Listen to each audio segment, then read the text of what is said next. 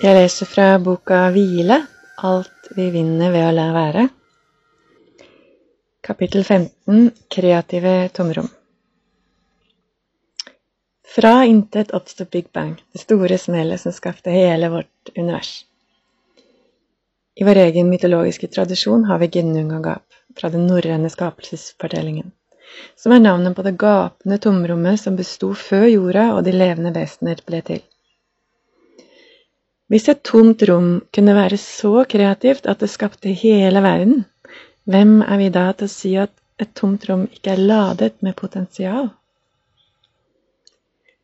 I 1974 spente Philippe Petit opp en line mellom de 400 meter høye tårnene som da utgjorde World Trade Center på Manhattan. Linedanseren Petit var opptatt av hvordan kreativitet oppstår i det negative rommet. Han beskriver et tomrom der det ikke fantes annet enn lys og sfære, fram til han bestemte seg for å danse der midt i luften. Det var jo ikke tårnene som var spennende, forteller han om opplevelsen. Det var rommet mellom tårnene som utgjorde et jomfruland der ingen hadde gått før. Det kan synes som om vi har minimal forventning til ikke-handling, tomhet og i forlengelsen stillhet i den kulturen vi er en del av. Vår opplevelse av eksistensen er knyttet til det verbet å gjøre eller å bruke. Hvilen utfordrer dette. Den inviterer oss til å være i en tilstand der det tilsynelatende skjer svært lite. Simpelthen å legge oss ned en liten stund stabiliserer, regenererer, restituerer og rekreerer vi oss selv. Kanskje er det å hvile det mest kreative vi kan gjøre? Dersom vi aksepterer premisset om at tomrommet er ladet og et kreativt sted å oppholde seg, blir det også logisk å tro at det i hvilen kan oppstå spennende koblinger som ikke et travelt hode har tilgang til.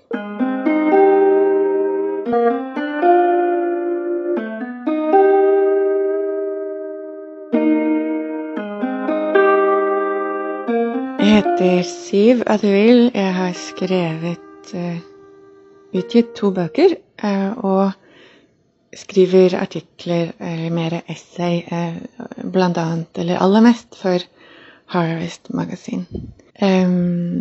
Det eh, kjennes som om jeg er litt sånn i begynnelsen av et skriveliv. Jeg har levd noen liv før, før dette. det er jo sånn når man lever lenge, så er det fint å, å ha eh, vært i noen forskjellige verdener, kanskje. Og så er det jo sånn når man ser det retrospektivt, at det var en tråd, eller er en tråd, eller kanskje jeg har skapt en tråd underveis. Fordi eh, som alle andre mennesker så er jeg meningssøkende. Jeg jobba med sirkus i tolv år. Moderne sirkus. Sånn som eh, kanskje start starta for 40 år siden nå som en reaksjon eller som en eh, revitalisering av tradisjonell sirkus, eh, der eh, virkemidlene fra sirkus, altså ferdighetene, ble satt inn i en ny kontekst. Og minner kanskje mer om teater, moderne dans, andre kunstformer. Og til og med eller det jeg var opptatt av, er hvordan kan man finne fortellingen, eller er det mulig å jobbe i skjæringspunktet mellom den spenningen som fins i, i sirkusferdigheter. Sånn, faller hun ned? Går det bra, det her? Og vi sitter på enden av stolen og, og Eh, kjenner den eh, Hva skal man si? Nesten sånn frykten for jeg håper at det skal gå bra. Og, og den spenningen som fins i en god fortelling. Da. Jeg syns det er kjempespennende. Så jeg, jeg studerte dramaturgi, skrev ut om sirkusdramaturgi nettopp om det her. Og jobba som eh, med regi. Eh, vi gikk fra å være både Eller starta som artist, og så eh, ble mer nysgjerrig på på eh, å jobbe mer helhetlig med produksjoner. Um, og jobba som sirkuslærer ganske mye. Kom til et uh, punkt der hvor jeg ikke kunne jobbe så mye med sirkus lenger. Og måtte ta livet veldig med ro. Så jeg gikk fra å være ekstremt uh, utoverorientert med mye reising, mye jobbing, masse mennesker, masse farger, mye action, til å måtte uh, hvile mye uten å gå sånn veldig inn på helseutfordringer. Som jeg skriver litt om i bøkene, at det var jo et vendepunkt. Jeg syns at det var eh, kjempeinteressant eh, å se på eh, yogafilosofi og hvilken rolle det kunne ha, altså særlig etikken, som hvilken funksjon den kunne ha i vår tid, og med de utfordringene vi står i, sosialt og politisk og økologisk. Og min første bok, 'Jaga når det gjelder', den ser på det personlige og det politiske sammen. Og det, det interesserer meg. Jeg tror det må Det fokuset må sameksistere. At vi kan kanskje lett bare se på systemene rundt oss, eller bare svømme i sirkler i vårt eget navlelo, men at vi kan eh, se oss selv som en del av verden, og at det er et godt uh, utgangspunkt for å finne ut uh, hva vi kan gjøre. Det jeg syns er spennende å se på, er der det indre møter det ytre. uh, og ut ifra hva som skiller mitt arbeid fra andre, så um, er det vel kanskje ikke unikt. Men jeg vet ikke om så mange i Norge som skriver om det. For det kan være at man lener seg på å se på de ytre strukturene, hvordan det påvirker livene våre, eller kan man gå seg litt bort i navleloet sitt og bare fokusere innover. Jeg tror at vi må forholde oss til både den ytre, ytre og den indre verden til enhver tid. Og så kan det være faser der det ene får lov å ta større plass enn det andre. Men at de, det må stå i relasjon til hverandre. Og, og det er vel der um, jeg prøver å skrive ut ifra, eller i hvert fall til nå. Um, det interesserer meg veldig. Um, og eh, ja, hva skal man si eh, Politiske selvhjelpsbøker er det en som har kalt bøkene mine. En anmelder jeg fikk, var veldig fornøyd med boka, men syntes jeg var for politisk. Um, og da ble jeg litt glad, for da hadde hun skjønt hva jeg holdt på med. Um, og det er ikke alltid det uh, er så tydelig, så her kan jeg sikkert bli mye tydeligere. Um, sånn for framtida Jeg syns at vi eh, ikke har den luksusen å stå og se på et demokrati som er trua fra alle kanter, og at eh, vi trenger alle, eh, alle hendene på dekk, alle eh, som har stemme og som har plattform. Så i forhold til hva eh, som er mine aspirasjoner framover, så er det å bli tydeligere.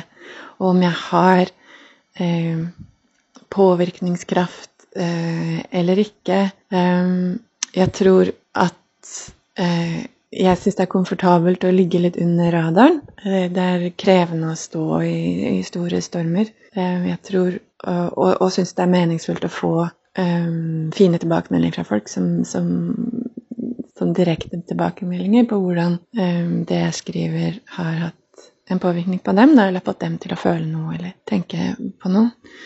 Um, på samme måten som jeg føler når jeg blir inspirert av ting jeg leser. Så det handler vel om å fortsette å bli tydeligere, um, bli um, dyktigere på verktøyet og bare kjenne at den, denne fasen av livet er uh, så verdifull, så, så spennende, og at jeg eh, ikke syns det er meningsfylt å, å, bare stirre innover når det er så mye eh, Så uendelig mye eh, å ta tak i, i i, verden rundt oss. Og det er et privilegium å få lov å være med og delta. Jeg trodde vel at for å skrive godt, så trengte man mye alenetid.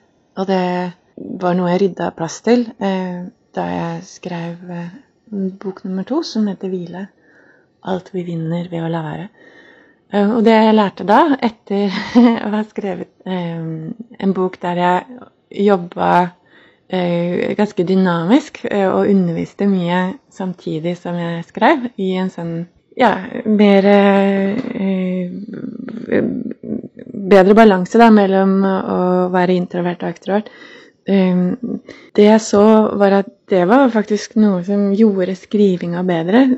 Og blant annet fordi når jeg researcha eller leste et eller annet, eller trengte å formulere noen tanker, og, og, gjorde det sammen med andre mennesker, og bare hørte hvordan det landa, på en måte, både i, i munnen min, i hodet mitt, men også i rommet og feedbacken fra menneskene, uten at de kanskje visste at de var med på å skrive en bok.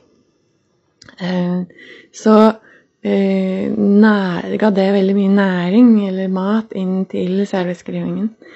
Eh, så det var først eh, da jeg ikke gjorde det, at jeg skjønte hvor verdifullt eh, det hadde vært. For utgangspunktet så var det for å, å overleve, altså det å jobbe, jobbe samtidig som man skriver. Som jeg tror er en veldig bra ting, da.